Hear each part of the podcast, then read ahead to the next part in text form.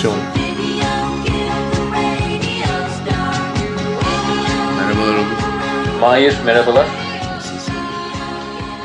Güzel bir İstanbul gününde. Ben de güzelim her zaman gibi. Uzun bir süre sonra ilk defa baş başa program yapıyoruz. Evet uzun süre oldu. Ee, 30 Mart akşamı da yani bir değil iki değil 7-8 konukla 3 saatlik bir program yaptık. Evet, 30 Mart hala benim için bitmemiş bir şey. Ben sonuçları bekliyorum hala. Galiba Amerikan Büyükelçisi de sonuçları bekliyor. Ankara e, Belediye Başkanı için tebriklerini yapmamış sanıyorum ben hala sonucu bekliyorum diye. Biliyorsun tabii, tabii bu, bu hafta Anayasa Mahkemesi e, ilginç kararları imza attı. Bırak ilginç kararları tabii yani dört tane çok önemli karar var da en önemlisi Anayasa Mahkemesi Twitter'a girdi. Hayır. Evet, ben de onu diyecektim. Zaten ülkede önemli bir aktör ortaya çıkarsa artık Twitter hesabı açıyor yani. Oradan anlayabiliriz. Takipçi sayısı falan birden 100 bini buluyor. Demek ki kendileri de Twitter er meydanı oldu yani resmen. Gerçekten yani önce Twitter açıp ondan sonra Twitter'a girdiler. Burhan Kuzu olayını takip edebildin mi Onurcuğum? Yani işte manşetleriyle takip ettim. Tekrar kapanmasını istemiş galiba. Türkiye'de sanırım artık bir grup gazeteci var. Bunlar Twitter'daki geyikleri takip edip oradan haber yapıyorlar değil mi? Ya evet gerçekten e, bayağı cepten yiyorlar yani. Oraya bakıp bakıp yazıyorlar. ya ama yani Türkiye'deki Twitter'da bayağı renkli mi? Hayır. Çok evet. Bir kere başladı mı insan bırakamıyor yani gerçekten. Neyse Ben bu arada e, konumuza girmeden önce biraz önceki olayı ben hatırlatayım da tarihe de not düşmüş olalım. Biliyorsun hala seçim sonuçları açıklanmadı aslında. Resmi Evet. sonuç yok yani. Ya ben böyle bir şey yani hiç görmemiştim aslında ama yani zaten genelde geç açıklanıyor. Resmi gazetede yayınlanıyor falan da. Yani YSK bir açıklama yapıyordu.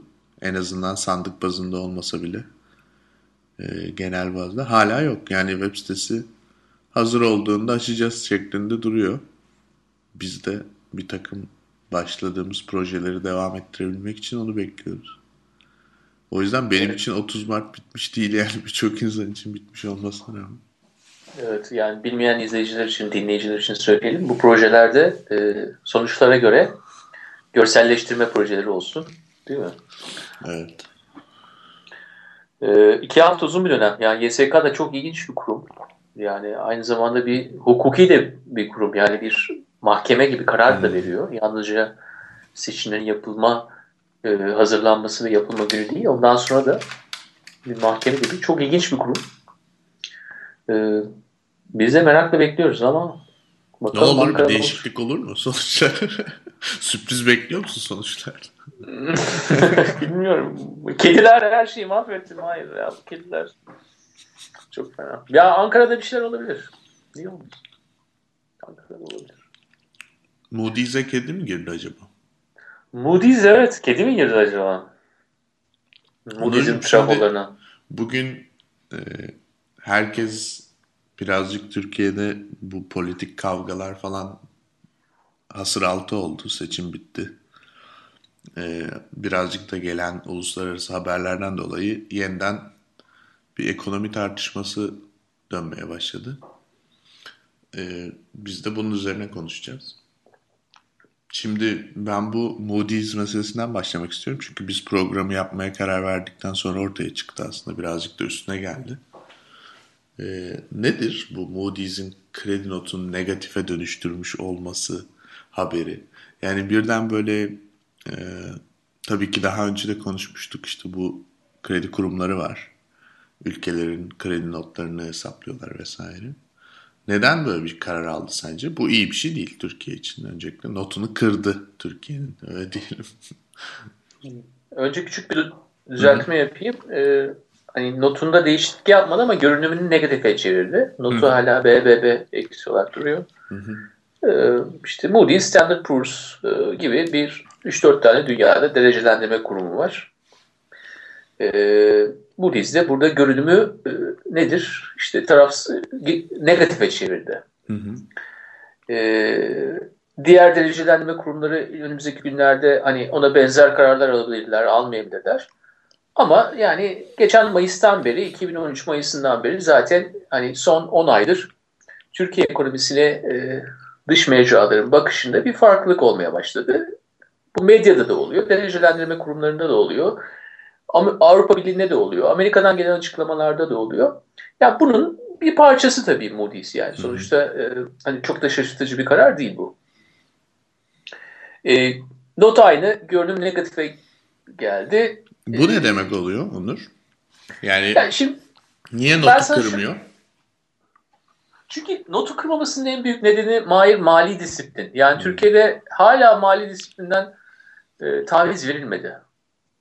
Yani Sezar'ın hakkı Sezar diyeceksek e, Türkiye'nin e, biliyorsun yani geçmişinde e, seçim ekonomileri, popülist politikalar, e, aynı zamanda yani bu Nisan e, 1994 krizinde 20. yıl, yıl dönümü. Hmm. E, 94 krizinden bu yana 20 yıl geçti.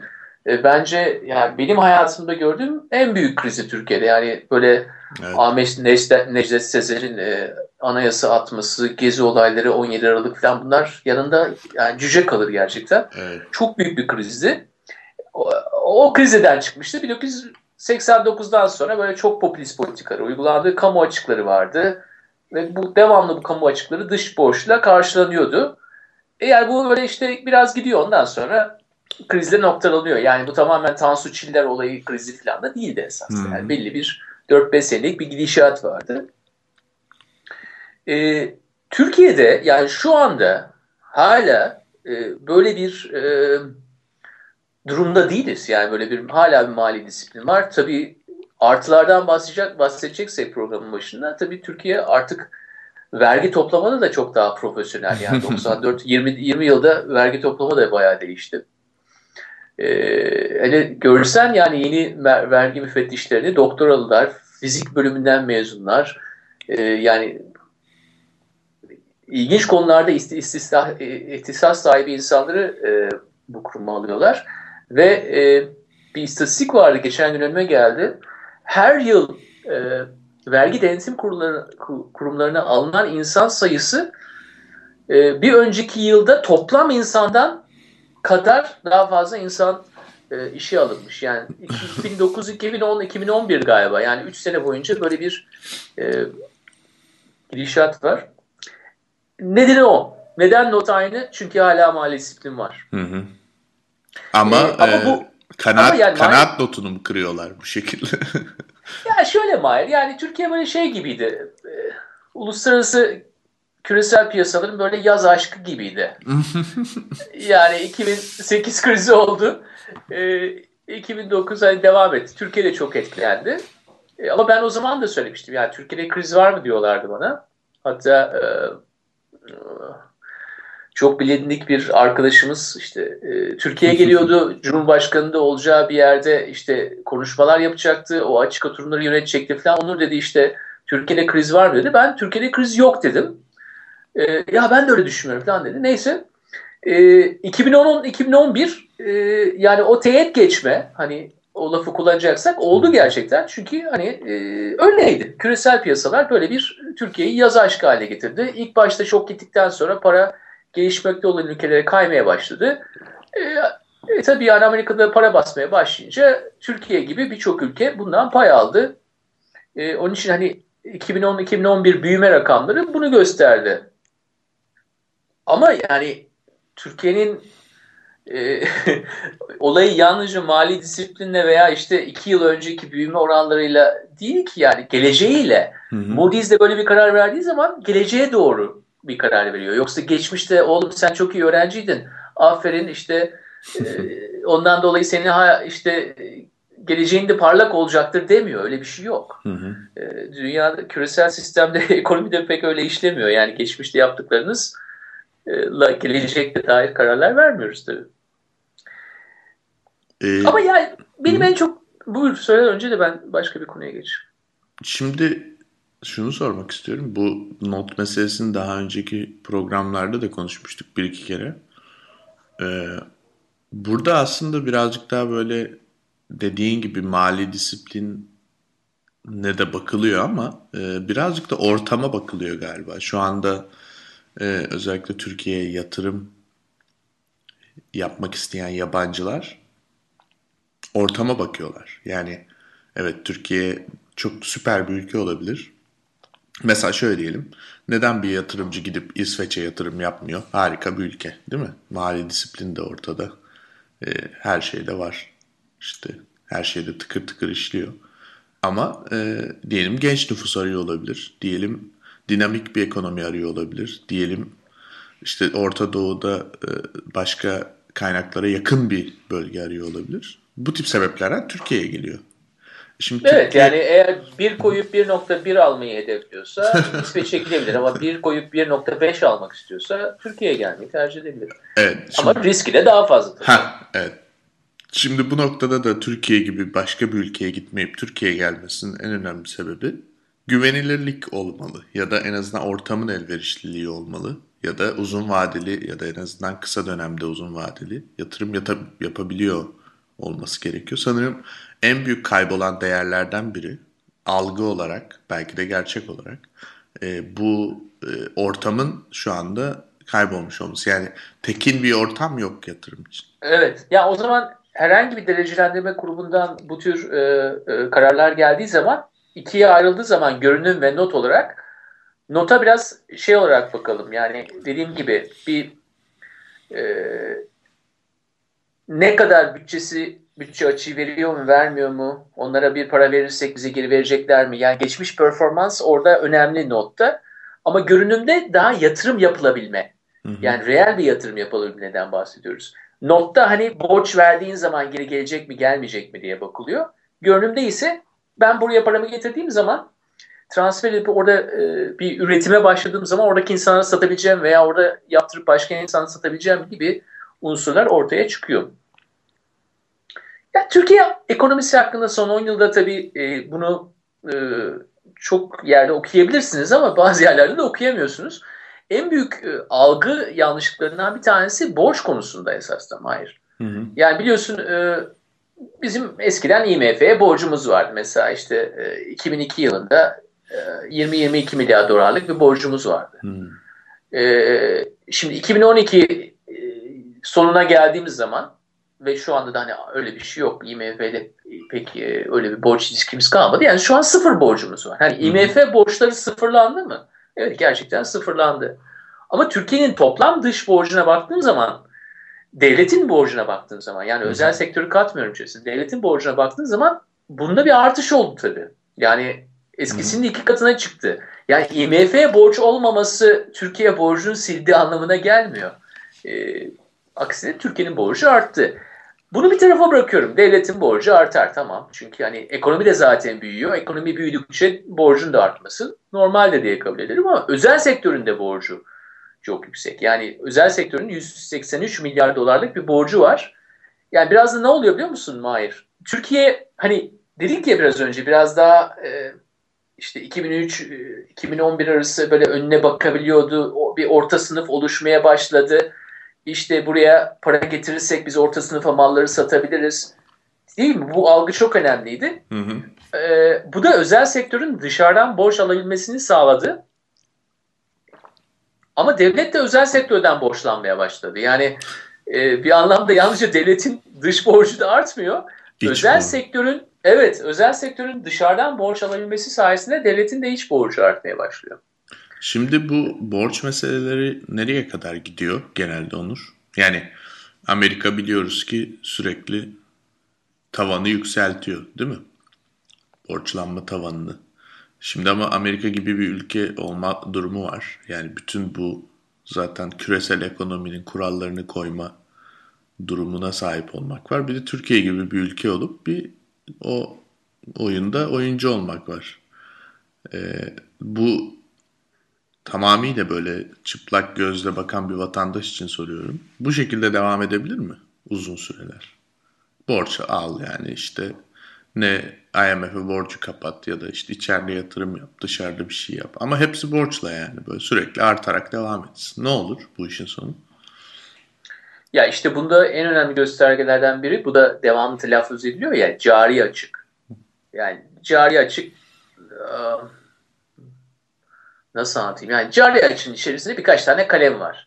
İşte ithalatla ihracat arasındaki fark, işte hizmetler, işte turizm, sigorta gibi hizmetler var içinde. Bir de dışarıdan veya gelen transferler veya bizden giden transferler var. Yani bunu bir e, basitleştirirsek bir ülkenin e, harcadığından daha fazlasını üretip üretmediğine bakıyoruz. Açık varsa harcadığından daha fazlasını üretmiyor. Eğer e, cari işlemler fazlası varsa o zaman ürettiğinden daha azını harcıyor diyebiliriz. Hı hı.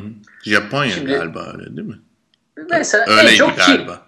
Çin. En çok Çin. Evet. Çin. Sonra Almanya var. Yani Almanya, Hollanda gibi ülkeler var. Bunlar ihracatları çok çok güçlü ülkeler oldukları için. Onlar var. E, Kuveyt, Suudi Arabistan gibi ülkeler var. Onlar da petrol zengini olduğu için, petrollerini sattıkları için. Bir de Çin var. Hı hı. E, bunlar devamlı cari işlemler fazlası veriyor. E, ama nüfusuna oranla en fazla cari işlemler fazlası kim veriyor dersen, hani Çin çok büyük olduğu için o değildir belki ama yani Suudi Arabistan veya Kuveyt olabilir çünkü. Katar olabilir. evet Katar olabilir. Tabii, olabilir. Ee, ama en güzel, en ekstrem örnekler tabii Almanya, Hollanda gibi örnek, ülkeler. Çünkü hani devamlı ihracatları çok canlı olduğu için. Hı hı. Şimdi senin soruna cevap olarak e, bu devamlı devam edebilir mi? İşte Amerika diyoruz. Amerika'nın cari açığı yani yaklaşık 500 milyar dolara yaklaşıyor. Ee, ve devamlı cari açık veriyor. Değil mi? Ya bunun en büyük nedenlerinden bir tanesi Amerika zaten zengin yani belli bir akümülasyon, belli bir birikim olmuş zaten zamanla. Onun için zenginlik birikimi olduğu için Amerika'dan dışarı giden paranın da çok olması çok normal. Hı hı. Anlatabiliyor muyum? Yani Amerika'dan para çıkıyor çünkü diğer yerlerde değerlendirildiği için. Bizim kategorimizdeki ülkelere baktığınız zaman bizim gibi benzer sorunlara sahip işte Hindistan, Brezilya gibi ülkeler var. Bunların da cari açıkları yani bizden biraz daha yüksek ama tabii nüfusları da bizden çok yüksek. Ee, biraz ekonomi genelde Mahir hep denge ve oranlar o üzerine kurulmuş bir şey. Yani sen devamlı cari açık verebilirsin. Tamam mı? Hı hı. Ve devamlı ürettiğinden daha fazlasını harcayabilirsin. Devamlı. Yani bu devam edebilir. Sürdürülebilir bir hale gelebilir. Ama oranlar çok önemli. Yani milli gelire oranla yüzde kaç açık veriyorsun? Hı hı. Anladın mı? Yani borçlandığın halde devamlı büyüme oranını belli bir oranın üstüne tutabiliyorsan sen sonsuza kadar bu cari açıkla yaşayabilirsin. Ama zamanla o oran artmaya başlarsa milli geliri oranla olan cari açık devamlı artmaya başlarsa yüzde onların üzerine çıkmaya başlarsa ya o zaman tabii e, hani sürdürülebilir sürdürülemez hale gelebilir. Bu da nasıl oluyor? İşte derecelendirme kurumları bunun bir parçası. E, bunları okuyorlar. İşte efendim ekonomist okuyorlar, Forbes okuyorlar bu ülkeye girmeyelim diyorlar. En önemlisi de yani insanlar kendileri kendi insanımız harcamamaya başlıyor. Hı hı. Bu da tamamen ee, işin psikolojik boyutu aslında. Yani evet birbirine geçmiş vaziyette. Yani sonuçta işlerin iyi gitmediğini anlamak için yalnızca hani bunu senin hayatında birebir hissetmen de gerekmiyor. Dışarıda duyduklarınla da zaten sen davranışlarını değiştiriyorsun. Senin davranışlarını değiştirmenle de dışarıdakiler daha farklı davranmaya başlıyor. Onun için diyorum ya biraz altın çocuk biraz e, hafif e, teneke kutu haline dönüşüyor son zamanlarda. Bir, bir algı tabii bu. Hı hı. Ama algının altında yatan bazı rakamlar da var.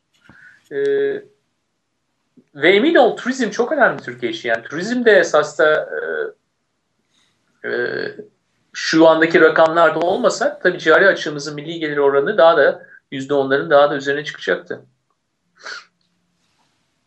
E, bir de faizler onu, e, faizlerden de konuşalım istersen. Yani faizler çok önemli mesela. Yani faizleri yüksek tutuyoruz biliyorsun son bir buçuk aydır. Hı hı. Ee, e, nedeni de yani doları frenlemek için.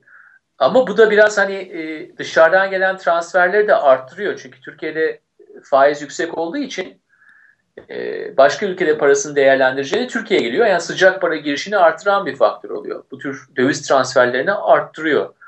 Çünkü düşünsene sen Türkiye'de şu anda mevduatı yılda yüzde on iki buçuk faiz alabiliyorsun. Ee,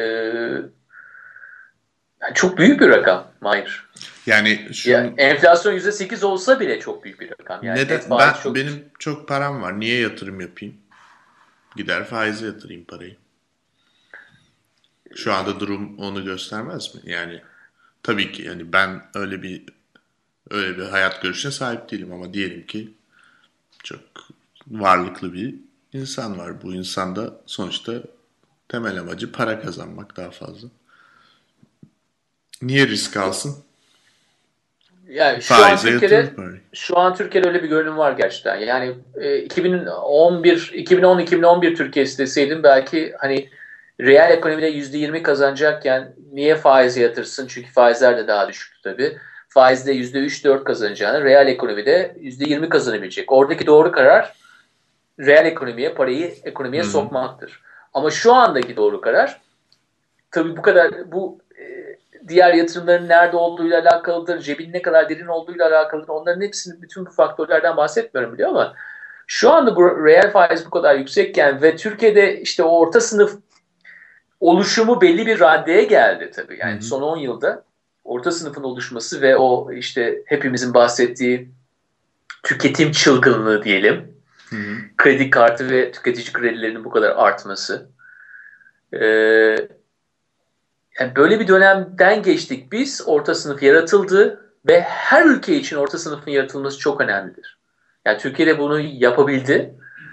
Ee, ben doktora tezimi yazdığım zaman e, 2002-2003'te yazıyordum. Daha yeni enflasyon, dezenflasyon programları işte Kemal e, gittikten sonra, Kemal Derviş gittikten sonra e, tamamladım ama, ama yani başlangıcım Kemal Derviş buradayken dezenflasyon programları sonucu tüketime bakıyordum Mahir.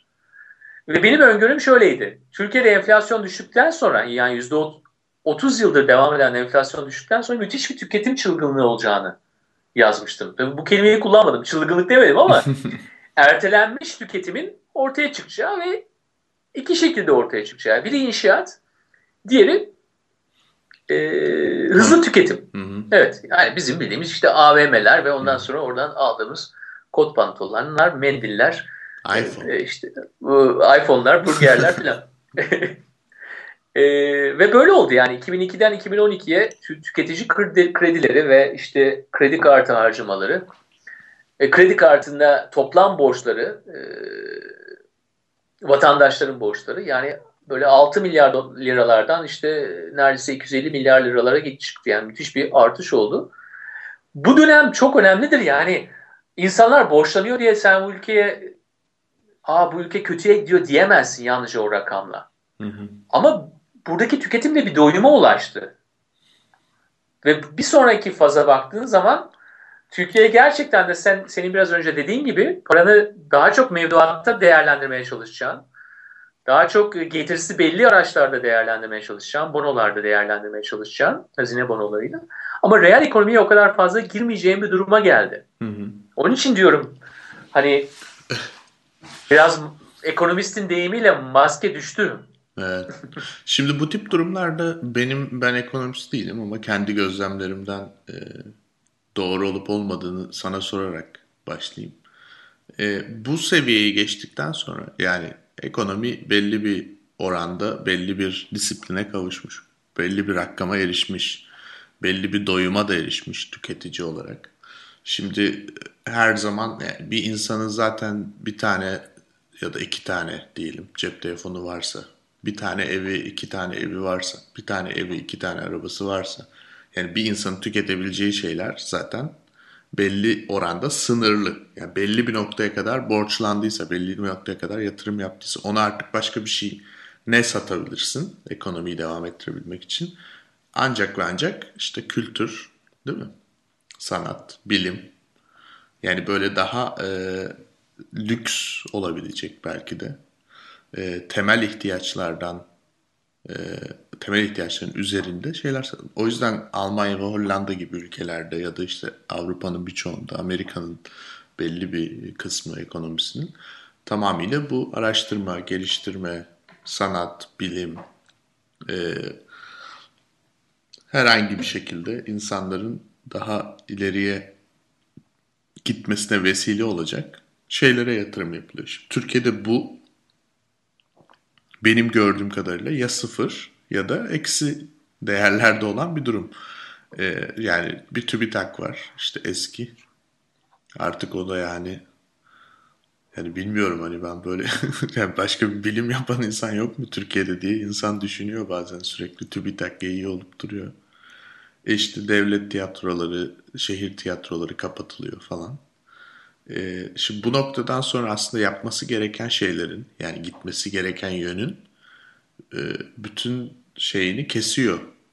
Önemli damarlarını kesiyor gibi görüyorum ben. Bu doğru mu? Bu görüş ya da bu en azından şöyle diyelim ikiye ayıralım soruyu.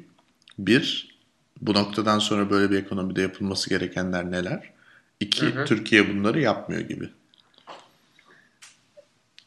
Şimdi kısmen doğru. Şöyle söyleyeyim. Ee, bir kere ekonomik büyüme ile gelişme çok ayrı konular.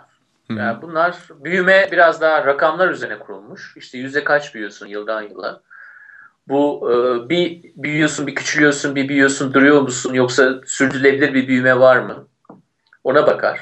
Biraz daha e, rakam bazlı bir e, ekonominin alt dalı. Gelişme ise senin dediğin konuları da içinde barındıran biraz daha işte e, bütün gereksinimlerimizi fiziksel, ruhani işte bütün gereksinimlerimizi daha e, toplayan bir e, ekonominin alt dalı. E, Türkiye nerede dersen tabii ki hani bir orta sınıfın oluşmuş olması e, biz işte tamamen bazı sorunlarımızı çözdük. E, artık işte tiyatroya gidelim ve teknoparklarda yepyeni icatlar yapıp zaman makinelerini icat edelim. Yani ol yok. Tabii ki bütün gereksinimlerimizi tamamlamadık. E, ve bir jenerasyon boyunca da tamamlayacağımızı düşünmüyorum. E, Hayır yani sistemin devam etmesi için e, daha verimli çalışılması için e, bazı yapısal reformların yapılması lazım. Mesela Türkiye ekonomisi çok fazla ithalata dayalı bir ekonomi. İhracat yapmak için devamlı dışarıdan ithalat yapıyor. Ara madde olarak onları kullanıyor. Ondan sonra ihracat yapıyor. İşte enerjisi yok. Enerji anlamında bazı şeylerin yapılması lazım. Yeni enerji türleri, enerji tasarrufu. Vergi sistemi dedik hani biraz önce hani vergi alınmaya başladı ama yine de çok adil bir sistem değil. Devamlı dolaylı vergiler alınıyor. Ee, bu işte cep telefonlarında %30 %40 vergi var. Yani gelirden vergi değil de böyle e, işte e, benzinden cep telefonundan olduğu gibi bu tür e, şeylerden çok %40 %50 vergiler. Yani hı benzindeki vergi Türk dünyada en yüksek vergi. Esasında biraz da baktığın zaman ne kadar büyük bir tezat. Yani hem cep telefonu hem benzin insanların birbirine ulaşması için, ticaret yapması için birbirleriyle irtibata geçmesi için. olan şeyler. Evet. Onlarda en çok vergi alınıyor. Nedeni de ya yani orada onu kayıt dışı yapman çok zor. Kayıt altına alınabildiği için vergi alınabiliyor. Orada da işte vergiyi basıyorsun. Bunlar söylenir hep işte yapısal reform olarak bunlar yapılması gerekir Ama bizim esas da biraz konumuza geçelim. Bizim için yapısal reform ne demek? Adaptasyon için esas da ekonomik sistemin gelişmesi ve artık e, büyümeden gelişme ekonomisinden bahsedeceksek Türkiye'de bireyselleşme ve rekabet anlayışından bahsetmemiz lazım. Yani e, fikirler, hayat stilleri, düşünüş tarzları, insanların hayal dünyaları bile birbirleriyle yarışır hale gelmeli, rekabet edebilmeli. Hı hı. E, bunları telaffuz edeceksin ki birbirleriyle rekabet edecekler. Yani e, benim hayal stilim var, seni öldüreceğim, sen çok kötüsün, sen Atatürk'ün askerisin ve sen de işte irticacısın. Yani bu dönemlerden geçtik. Hani önümüze bakacaksak e, bu gibi e, ben Mustafa Kemal'in, Kemal'in askeriyim veya ben işte şu hocanın elemanıyımdan hani biraz daha bireyselleşen, biraz hmm. daha birbirleriyle rekabet edebilen ve bu düşünüş tarzlarının da devam ettiği e, ama bu, bu düşünüş tarzlarının başka düşünüş tarzlarıyla, başka tanımlanmalıyla, başka e, kimlik arayışlarıyla beraber olduğu ve bunların birbirleriyle rekabet edebildiği bir sistem olursa yapısal reformlar esas da e, Türkiye'yi hani biraz daha gelişmiş bir ekonomiye e, vardırabilir. Diyeceksin ki ne alakası var kardeşim? Yani düşünüş tarzıyla ekonominin nasıl bir alakası olabilir? E sonuçta yani bu düşünüş tarzları sayesinde inovasyon dediğimiz şey zaten bunların bunlardan çıkan bir şey.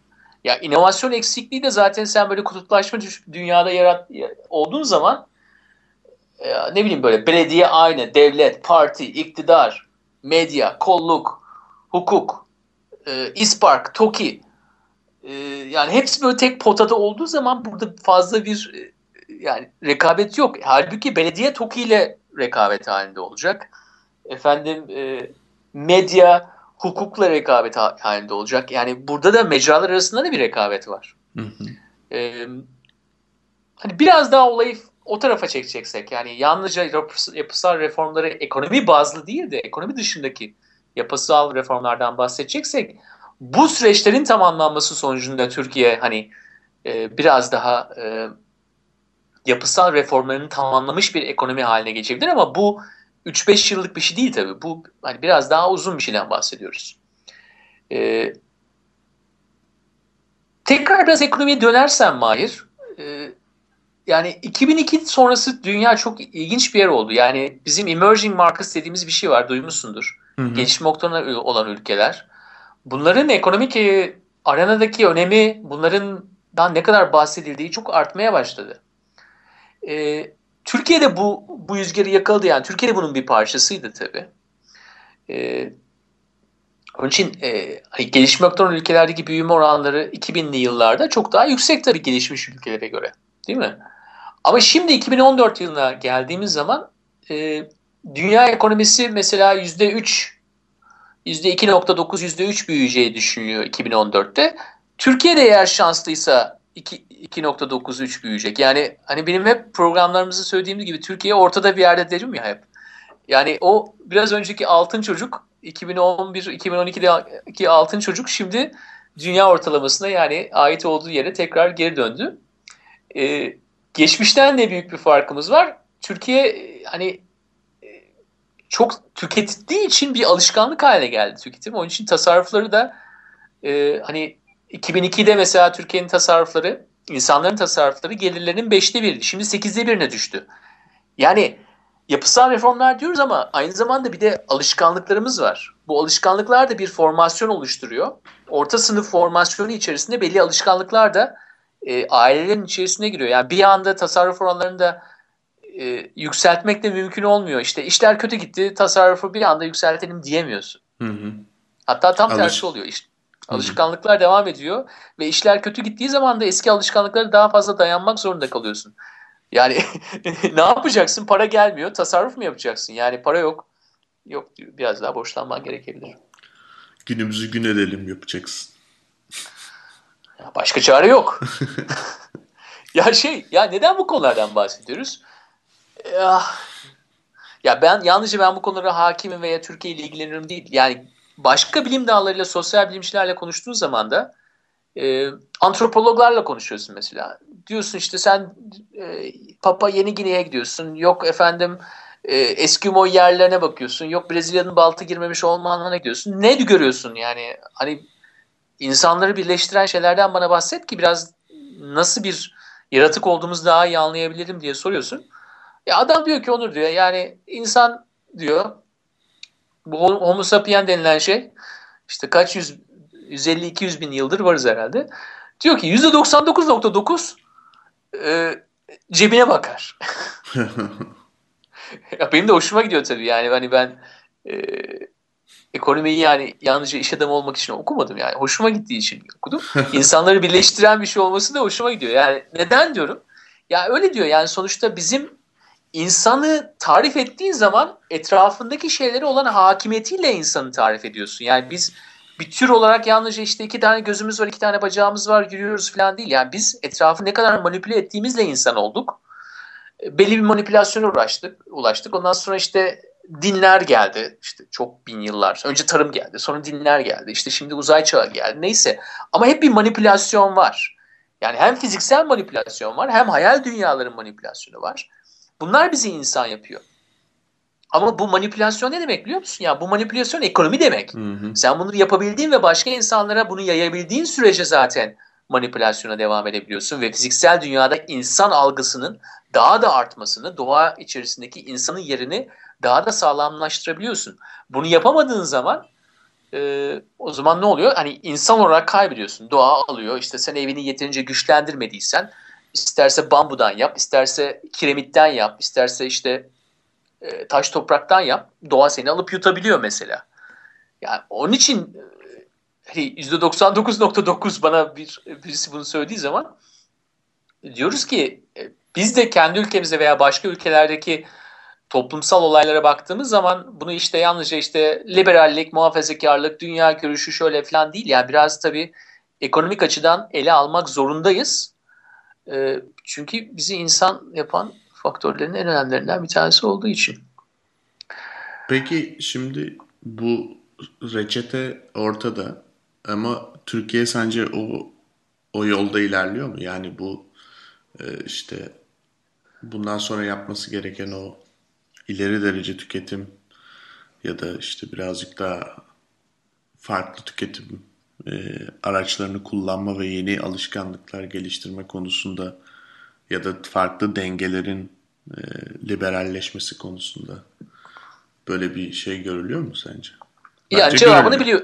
Cevabını biliyoruz evet. Sen de biliyorsun, ben de biliyorum. Görülmüyor. Ee, önce spesifik başka bir şeyden bahsedeyim. Ondan sonra daha genel hmm. sorunun cevabına gidelim. Yani mesela Avrupa Birliği e, ne diyeyim artık görüngesi mi diyeyim? Hmm. Avrupa Birliği perspektifi, görüngesi veya Avrupa Birliği'nin yörüngesine girmemiz diyelim. E, dünyaya Türkiye'nin dünyanın Türkiye ilgisinin en önemli nedenlerinden bir tanesi de Avrupa Birliği tabii. Tek yegane nedeni değil ama en önemli nedenlerden bir tanesi hele Arap dünyasından bahsettiğimiz zaman hani diziler falan bir yana ama Avrupa Birliği perspektifi Arap dünyası için de Türkiye'nin bakışında da çok önemli. Tabii Avrupa, Türkiye kendi başka bir tarafa doğru çektikçe o e, o görünge biraz daha değişikliğe uğradı. E, bu tür e, Amerika ile ilişkilerde, işte efendime söyleyeyim Orta Doğu ile ilişkilerde, yani bunlar da hani e, belki gelecek haftalarda Kara'yı e, bize misafir olarak aldığımız zaman o bize bunları çok iyi açıklayacaktır ama spesifik o tür ilişkilere baktığın zaman da çok büyük bir tökezleme var. Bunlar hani zamanla geçer geçmez biraz daha farklılaşır tabii ki. Ee, onlar birkaç sene değişebilecek şeyler. Ama şu anda Türkiye'nin gidişatında e, gittiğimiz yolda biraz önce bahsettiğimiz yapısal reformların olması imkansız. Çünkü gidişatımız daha çok işte biraz önce dediğim gibi o parti, iktidar, e, işte dedim ya İspark, TOKİ bunların hepsi böyle tek bir yegane bir pota gibi oluşuyor. Şimdi sen burada e, esas yapısal reka, e, olgunun oluşması ve rekabet anlayışının oluşması için dediğimiz o fikirlerin e, yarışması diyoruz ya. Yani teknolojinin yarışması için fikirlerin yarışması elzemdir. Biz zannediyoruz ki teknoparklar yapacağız. İşte Gebze'de teknopark yap, Silivri'de teknopark yap. Tamam abi oldu işte. Ya Ataşehir'de şey olacak, finans merkezi olacak. Tamam abi işte oradan da şeyi yap işte. Şuradan şu binayı yapalım, sen de şuradan şey. Ya olmaz bu değil yani. Olurcum ama önemli olan inşaat değil mi bu noktada? yani. bu noktada inşaattı. Bakın inşaatsız da olmuyor. Bunlar da önemli. Ama yani inşaat bitince bu ne yapacağız? global projeler için inşaat e, yetmiyor yani. İçini dolduramadın. Detroit'e dönersin yani. İçini dolduramadığın binalar yaparsın sonra. Sonra oralar community garden oluyor ama. Evet öyle o güzel şeyler de var ya. var ya. Hele e, bu e, eski işte endüstriyel kentlerde oradan endüstriler gittikten sonra o binalar yüksek tavanlı 5-6 metrelik binalarda güzel e, galeriler oluşuyor. Artist kolonileri oluyor. Orada yaşıyorlar. E, yatıp kalkıyorlar, çiziyorlar. Değil mi? Ne kadar güzel. Ya Brezilya'da ilginç bir şey olmuş Rio'da. E, biliyor musun bilmiyorum işte bir tekno tek, teknik bir şirket bir binadan ayrılmış. Bir ay içerisinde herkes sosyal medyadan birbirleriyle ilet, ilet, iletişime geçerek binayı e, okupay etmişler. Yani binayı hmm. e, işgal etmişler. İşgal etmişler. Ve bir anda bir yaşam başlamış. E, ve Dünya Kupası yaklaştığı için al sana başka bir ekonomik şey. E, Rio'da emlak fiyatları kirada e, kiralama fiyatları çok yükselmiş bir vaziyette. E, ve gelir dağılımı en az bizim kadar bozuk bir daha fazla daha fazla adaletsizliği bozuk, daha fazla. Adaletsizlik olduğu için o şehirde. Yani birçok e, evsize evsiz eklenmesi veya e, anlamına geliyor bu. E, ve günümüz tabii işte iletişim çağı. Millet sosyal medyadan birbirini şey yaparak. Yani e, oradaki favelalar işte e, tepelerde favelalar var ya. Şimdi şehir içinde böyle endüstrinin boşalttığı yerlerde de bir anda orayı işgal edilmiş ama yine tabii polis girmiş. Dünya Kupası öncesi böyle bir şeye izin veremeyiz. E, polis girmiş.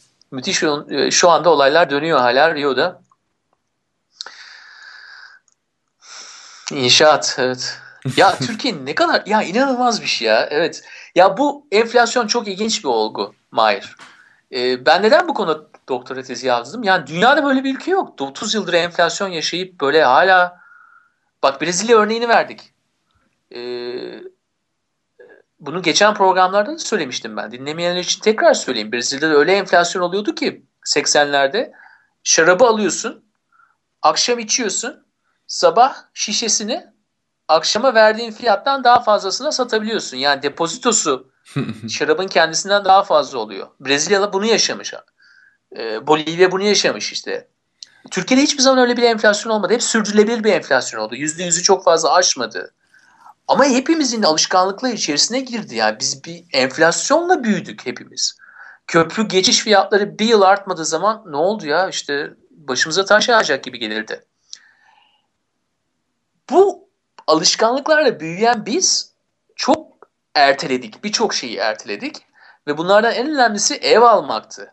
Yani ailenden e, işte para almıyorsan onların sayesinde işte bir e, İtalya'da Türkiye'de olduğu gibi böyle ev alamıyorsan yani bir insanın kendi başına para biriktirip de ev alması genç bir insanın yani çok zor bir şey. İmkansıza yakın. Ama Türkiye'de işte enflasyon düşmesi sayesinde bir anda kredi e, mekanizması olayın içerisine giriyor. Bu bizim doğamızı değiştirdi. Ya bırak son 13 yılda siyasi yapı diyelim. Biz en esas da ekonomik anlayış olarak doğamız değişti. İstanbul sokaklarının anlamı değişti. Aynı caddelerde 10 yıl sonra yürüdüğün zaman 3 katı kalabalıklarla karşılaşıyorsun. Hani bir anda farklı bir hal, hale geldi. Bunların hepsi e, siyasi anlayışla değil, ekonomik anlayışla olduğu için e, bir de hayatına nüfuz ediyor. Çıkmıyor ki yani. Sen artık eskisini hatırlayamayacak bir duruma geçiyorsun. Yani aslında sistemin içerisine giriyorsun. Evet. Senin söylediklerini anladığım şu. Bu e, olan da ve bundan sonra olmakta olan da siyasi iktidardan biraz da bağımsız olarak e, ülkenin konjöktürü gereği e, oluşan bir dalgaydı. Yani hani belli bir kitleler belli bir enflasyonla ve belli bir ekonomik politikayla büyümüşlerdi. Onlar tüketime yöneldiler. O iş, o dalgayı iyi sörf etti şu anki iktidar. Ama e, dalga bitiyor. Sörf tahtasının üstünde hala şu an. Bu tip durumlarda ne yapıyoruz? Ya birazcık e, sörf tahtasının üzerine yatıp yüzüyoruz. Değil mi? Sörf yapanlar bilirler. Yeni bir dalga yakalamak üzerine. E, ya da yani çok ustaysanız tabii Hani e, dalganın bittiğini görüp bir sonraki dalgaya da atlayabilirsiniz. Yapı becerebiliyorsanız. Ama ya da e, ya da sörf tahtasını sağa atıp kendini sola doğru atlayıp Evet, o da olabilir. Öyle, bu, ben bu... gidiyorum arkadaşlar siz kendi başınızı Ya da böyle ya da evet şimdi o olabilir. O o o bir seçenek e, bu tip durumlarda ya da şöyle de olabiliyor. E, inatlaşırsan eğer o böyle giderek yavaşlıyor yavaşlıyor. Sonra duruyor. sonra, sonra birden batıyorsun o durduğunda. Yani çünkü artık sörf edilecek bir şey kalmamış oluyor. O ağırlığı da taşımıyor yani o yüzden. Ee, burada bir çaba artık. Önemli olan e, bu gelen dalganın bittiği, bunu sörf edilecek kısmının bittiği. Artık bundan sonra e, bir şey yapılması gerektiği ve aslında hünerin bana sorarsan siyasi iktidar denen hünerin şu an ortaya çıkacağını düşünüyorum ben. E, bunu hem uluslararası anlamda hem de Türkiye özelinde göreceğiz. Ama e, ben şahsen ilginç ben, şey düşünüyorum hep e, senin de dediğin gibi yani Türkiye birazcık daha garip bir ülke diğer benzerlerine göre. Hep aynı klasmanda konulan işte BRIC'ti, şuydu buydu falan. Hikayesi de farklı. Bence genel olarak kültürü de farklı bir ülke. Ee, Ben buradan kötü bir şey çıkacağını düşünmüyorum. Kısa vadede kötü şeyler olabilir ama uzun vadede iyi bir e, sonuçla çıkacağını düşünüyorum Türkiye'nin. Ya evet yani hep öyle bir şey var. Yani Türkiye genel karakteristik özellikler arasında dirayetli olması ben en çok aklıma gelen. Çok dirayetli bir ülke. Ee, çeşitli nedenleri var bunun ama değişmiyor. Yani böyle. Ee, ben de çok olumlu bakıyorum. Ee, ve yani son 10 yılda bu orta sınıfın oluşmuş olmasından da çok mutluyum. Yani orta sınıf oluşumunda Mahir e, çok fazla böyle e, kültürel olarak e, bir e, atlama göremezsin genelde. Yani işte 45-55 arası Amerika, 60'larda Fransa, Avrupa'nın bazı ülkeleri falan yani çok e, biraz tek düzelik vardır, biraz yavanlık vardır. Çünkü orta sınıfın oluşma süreci öyle bir süreçtir. Daha zaruri şeylerin alınıp harcanması, yatırılması lazım. Çünkü çocuklar var, okula gitmeleri lazım değil mi? İşte akşamleyin 8'de bir tane talk show izleyip hepimizin uyutulması lazım. ee, ama ondan sonraki süreçlerde yani orta sınıf oluştuktan sonraki süreçlerde esas bit yeniği o zaman çıkıyor.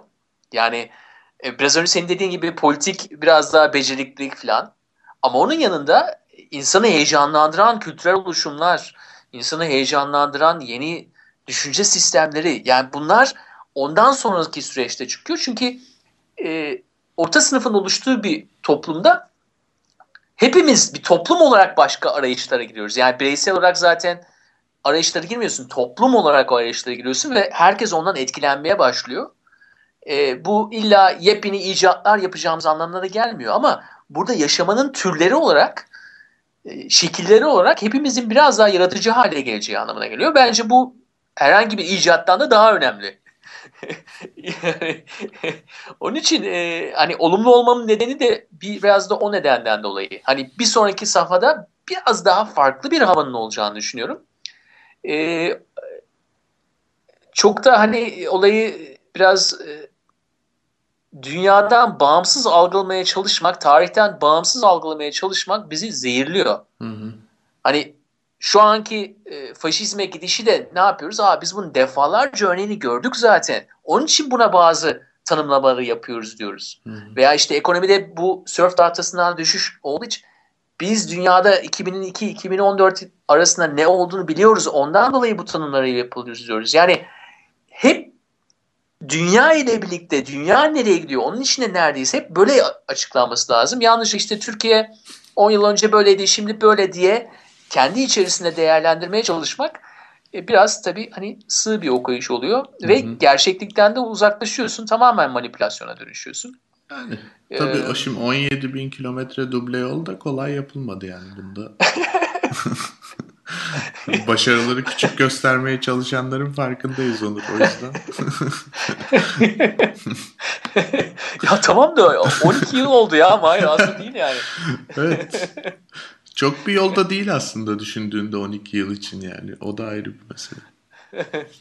ya Amerika'daki interstate sistemi var biliyorsun. Tabii. Ee, işte Roosevelt Highway'ler falan değil mi? Onu 2. Dünya Savaşı'ndan sonra yaptılar. Yani bu aynen işte meclisten geçti yaptılar falan. Bayağı bir 5-6 e, senede bir şeyler yapıldı yani orada. Evet 17 binden biraz fazla da olabilir buradaki yani. Bölünmüş yol olarak.